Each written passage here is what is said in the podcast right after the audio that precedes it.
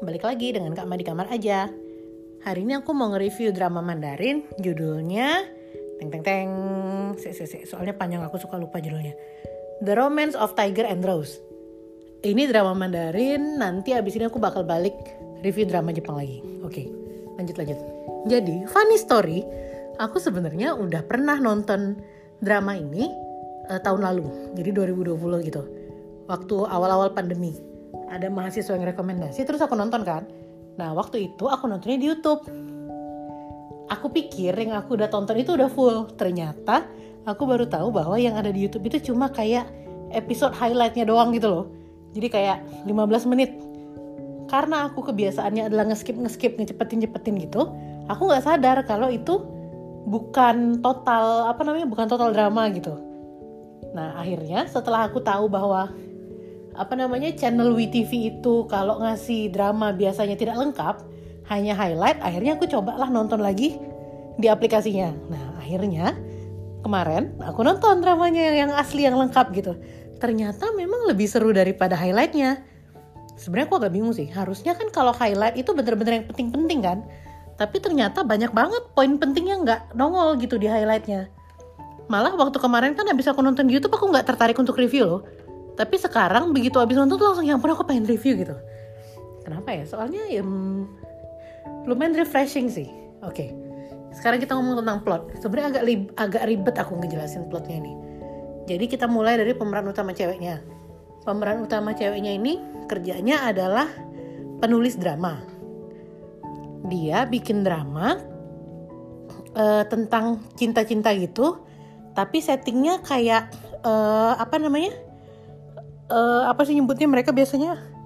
Kostum drama gitu loh. Jadi kayak yang pakai baju orang zaman dulu gitulah. Nah jadi ini dia bikin drama. Long story short dia uh, ketiduran atau kehilangan kesadaran itu terus dia masuk ke dalam dramanya. Sebenarnya itu agak generik ya. Sudah sudah sering gitu kan nongol kan. Nah yang bikin jadi masalah kehidupan dia ini adalah waktu dia masuk ke drama itu dia nggak jadi pemeran utama. Tapi dia menjadi supporting role yang meninggal di episode keempat atau kelima gitu di drama yang dia bikin. Panik lah kan dia. Jadi target dia di drama ini adalah untuk pertama memastikan dia bertahan hidup, kedua eh, mencari cara supaya dia bisa pulang ke rumah. Sebenarnya kan kayaknya simple ya gitu kan, tapi ya nggak simple sama sekali gitu karena memang uh, di drama yang dia bikin semacam apa sih namanya, semacam uh, alur action yang paling seru di awal-awal tuh adalah waktu bagian karakter yang dia dapat sekarang itu mati gitu loh. Dia berusaha banget loh gimana caranya supaya dia gagal dibunuh gitu. Pokoknya aku agak apa mau ketawa tapi kesian juga kan ngeliat orang mau dibunuh tapi berusaha untuk mencegah supaya dia nggak mati kayak gitu. Nah jadi peran dia kan waktu masuk ke drama dia bukan pemeran utama kan. Dia di situ jadi third princess jadi kayak putri ketiga dan putri ketiga itu perannya adalah supporting role. Pemeran utamanya siapa? Kakaknya. Nah, kakaknya itu uh, harusnya jadi pemeran utama sama uh, pangeran dari negara tetangganya. Nah, karena dia jadi pemeran apa namanya pembantu, dia itu awalnya nikah sama uh, pemeran utama dan dia akan dibunuh sama pemeran utama. Absurd memang jadi sebenarnya aku dari pengenalan plot aja agak ribet gitu kan karena uh, dia itu aslinya di drama ini adalah pemeran utama. Tapi di dramanya drama dia bukan pemeran utama gitu. Makanya aku sulit untuk menjelaskan. Oke okay. long story short nanti kalau untuk detailnya nonton sendiri aja. Long story short akhirnya uh, dia nggak mati tentu saja kalau dia mati dramanya habis. Terus uh, pemeran utama cowok yang harusnya suka sama kakak keduanya akhirnya suka sama dia karena karakternya dia si yang apa Xiao Kian itu beda dengan karakternya Kian Kian yang dibikin dia di drama gitu loh.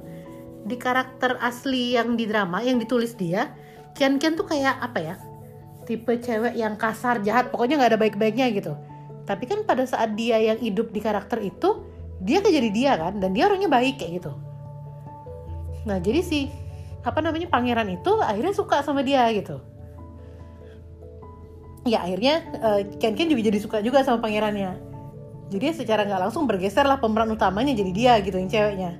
Dan kakaknya itu jadi jahat karena kakaknya tuh kayak apa sih? Iri gitu loh. Jadi dia kayak ngerasa kenapa aku harus jadi anak baik-baik terus? Kenapa aku harus ngikutin semua mam, apa semua maunya mama terus gitu. Tapi kenapa apa-apa yang dapatnya kamu terus? Kayak gitu. Jadi dia kayak ngerasa nggak fair gitu. Akhirnya dia jadinya jahat kayak gitulah. Oke itu itu singkatnya banget sih. Kurang lebih kayak gitu. Nah apa namanya? Habis itu uh, Kian Kian sama Hansu akhirnya kan saling suka nih. Mereka saling suka jadi yang awalnya hampir dibunuh gitu di akhirnya selamat juga. Dan kakaknya juga mau bunuh dia. Jadi intinya si Kian Kian nih harus kabur dari banyak sekali orang yang mau bunuh dia gitu. Aku heran deh bener-bener. Ini orang-orang hobi banget sih bunuh-bunuhan. Drama macam apa ini? Oh iya terus apa lagi ya? Aku udah bilang belum kalau dua kota itu uh, punya ciri khas yang bertolak belakang itu sebenarnya yang waktu si Xiao Xian itu masih jadi uh, penulis drama itu yang dikritik sama uh, aktor yang review drama dia gitu. Jadi di sana di settingnya adalah ada dua kota. Kota yang tempat tinggalnya Kian Kian itu kota yang uh, apa namanya? Uh, apa nyebutnya gimana ya? Yang uh, pencari nafkah itu perempuan. Jadi yang boleh jadi presidennya itu perempuan kayak gitu. Jadi intinya uh, perempuan yang superior gitu perempuan yang disuperiorkan. Laki-laki itu kayak uh, apa namanya nggak punya hak terus apa jarang dapat posisi di pemerintahan kayak gitu kayak gitu deh. Nah di kota satu lagi itu kebalikannya semuanya cowok gitu. Yang cewek harus bersihin apa namanya harus nyuciin kaki suaminya kayak gitu. Kok apa yang cewek-cewek nggak boleh kerja kayak gitu kayak gitulah nah mereka bertolak belakang kan. Nah waktu itu si apa namanya aktor itu mengkritisi uh, feminisme itu bukan yang kayak gini dia bilang gitu loh. Jadi kayak kalau memang target kamu kayak gini apa bedanya kamu sama cowok-cowok yang patriarki dia bilang. Waktu itu si apa Xiao Qian ini nggak terima gitu loh. Tapi akhirnya setelah dia mengalami apa namanya kehidupan itu sendiri karena jadi jadi karakternya kan dia jadi ngerti ah ini maksudnya si cowok itu gitu loh. Yang adil, yang setara itu kan sama, bukan yang apa namanya balas dendam karena dulu cowok kayak gitu sama cewek sekarang kita harus balik gitu. Cewek harus kayak gitu apa cewek harus lebih dari cowok. Enggak. Setara itu ya setara bukannya yang satu jadi lebih kayak gitu kan. Kayak gitulah kira-kira. Itu sisi feminismenya ya. Oke balik lagi ke plot lucu-lucu cinta-cintaannya. Uh, sebenarnya kalau ditanya ini happy ending gak sih? Sejujurnya banget ini jadi happy ending gara-gara dia balik ke dunia nyata. Kalau uh, dia nggak balik ke dunia nyata, itu nggak happy ending. Karena di endingnya banget itu si pacarnya, eh suaminya Hansuo itu uh, cedera. Gara-gara dia apa berusaha nyelamatin Ken Ken kan. Dia hampir mau ditusuk sama kakaknya, terus dia ngalangin pakai badannya gitu. Jadi dia uh, berhasil diselamatkan nyawanya sementara, tapi dia kayak ada apa namanya kayak ada cedera yang nggak bisa disembuhkan gitu. Jadi intinya kayak dia waktu hidupnya itu cuma kayak berapa minggu lagi gitu. Dan dia bilang bahwa Ken Ken kamu harus pulang ke dunia kamu.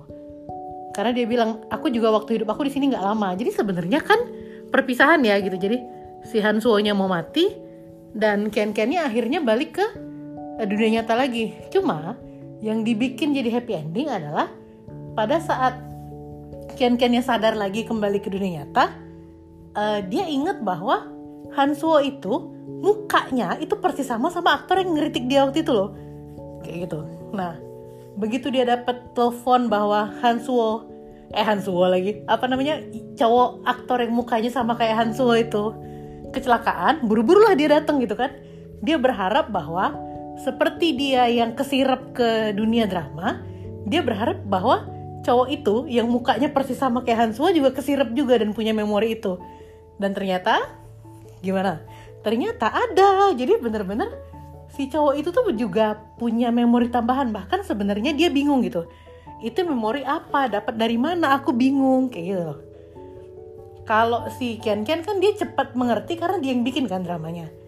Jadi kalau si cowok yang mirip Hanso ini bingung aku dapat dari mana memori ini? gitu ya tapi gara-gara itu akhirnya kan mereka jadi kayak apa namanya yang dipisahkan di masa lalu atau yang dipisahkan di dunia drama akhirnya kembali lagi di dunia sekarang gitu ya. Itu kan akhirnya happy ending ya. Ya tapi sejujurnya banget kalau mau ditanya apakah drama yang dibikin sama Xiaoqian itu eh, happy ending? Ya enggak. Wong buktinya suami istrinya akhirnya bisa kan gitu. Tapi akhirnya mereka kembali bersama lagi di dunia nyata. Kayaknya tuh sudah jadi trennya drama Mandarin ya gitu. Jadi mereka supaya nggak takut apa namanya uh, penontonnya marah karena endingnya sedih. Jadi mereka bikin semacam apa namanya uh, sequel atau kelanjutan di dunia nyata gitu. Kan sudah ada beberapa yang kayak gitu. Dan sebenarnya keberadaan apa namanya uh, reinkarnasi atau keberadaan uh, apa paralel paralel world itu ternyata memang kalau untuk penonton ya bisa mengurangi rasa sebel atau rasa sedih gitu. Karena walaupun mereka berpisah di sini akhirnya mereka kembali di sana gitu loh. Ya aku sih seneng gitu. Karena gimana pun uh, drama ini itu menyenangkan. Jadi chemistry pemeran utama cowok-ceweknya tuh bagus gitu. Terus apa ya? Walaupun kadang-kadang ada sih kayak konflik-konflik yang nyebelin gitu. Kayak ya elah gini aja jadi berantem gitu loh. Tapi ya menurut aku tetap menyenangkan. Dan uh, second leadnya itu uh, walaupun sempet agak ngeselin tapi nggak sampai bikin benci gitu loh. Karena pada dasarnya memang second leadnya tuh bener-bener suka sama uh, Ken Ken jadi dia nggak bakal melakukan hal-hal yang nggak disukain sama cewek itu gitu. Pada saat dia emang harus letting go dia letting go. Itu oke okay kan jadinya? Nggak nggak kayak tipe-tipe second lead yang gimana banget gitu. Oke okay lah pokoknya itu masih oke. Okay. oke okay, oke okay, oke. Plotnya udah panjang nih. Lanjut. Kalau untuk pairingnya ya tentu saja. Pairing favorit kita adalah Ken Ken sama Hansuo gitu lucu banget sumpah.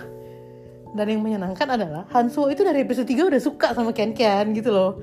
Jadi bahkan sebelum dia ditolong apa namanya dengan Dragon Bone pun jadi pada saat dia belum ditolong dengan Dragon Bone pada saat dia masih berencana untuk ngebunuh Ken Ken dia udah suka sama Ken Ken dan sebenarnya waktu itu Ken Ken itu belum suka kayaknya. Dia fokusnya masih gimana caranya menangkal supaya dia nggak mati gitu. Karena kan dia tahu Hansuo itu targetnya adalah ngebunuh dia kan?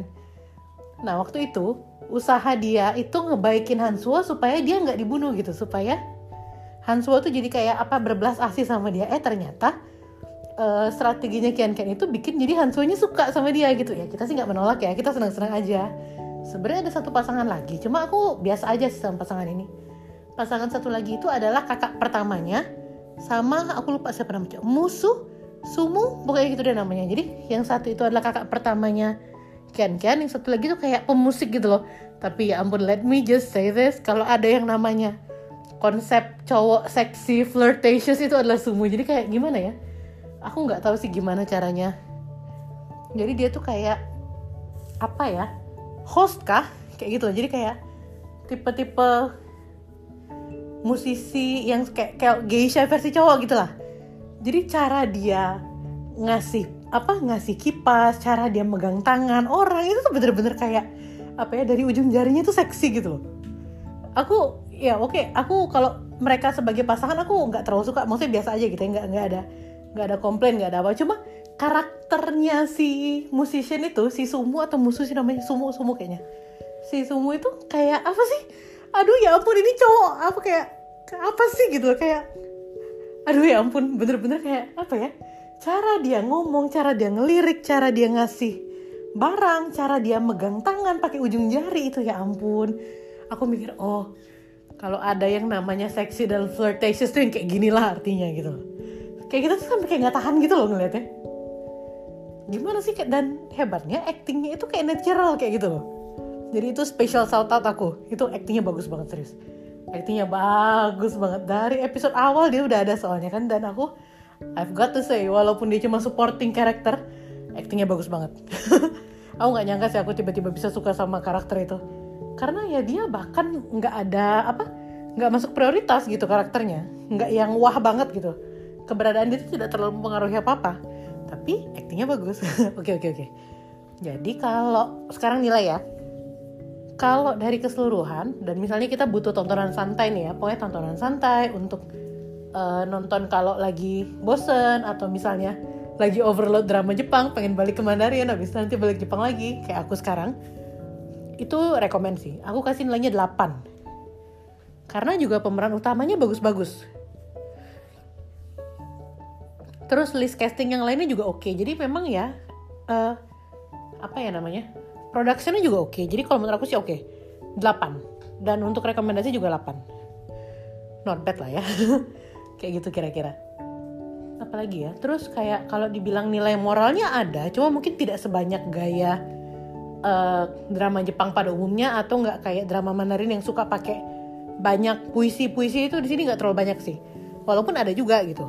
Cuma nggak yang terlalu banyak dan nggak terlalu dalam gitu. Jadi nggak dipakai sebagai apa sih pesan moral atau apa tuh enggak jadi ini bisa dibilang ya tontonan santai lah. Oke. Okay. kayak gitu aja mungkin. Nanti abis ini aku bakal balik dengan drama Jepang lagi. Tentu saja aduh banyak banget loh checklist drama Jepang aku yang harus di review kenapa? Karena banyak banget yang bagus. Oh my god. Dan rasanya kalau nggak di review tuh sayang gitu loh. Oke oke. Aku terlalu hype barusan. Baiklah. Sampai ketemu di Kak Ma aja berikutnya. Eh Kak Ma aja. Kak Ma di kabar aja berikutnya. Ini gila lah gara-gara terlalu hype gara-gara mau nonton. Eh tuh lo gile Risma terlalu hype mohon maaf ya. Aku terlalu hype jadinya ngomongnya belibet. Gara-gara terlalu excited mau nge-review drama Jepang abis ini. Oke mari kita selesaikan. Sampai ketemu di kamar di kamar aja berikutnya. Maaf ngomongnya belibet ya. Bye bye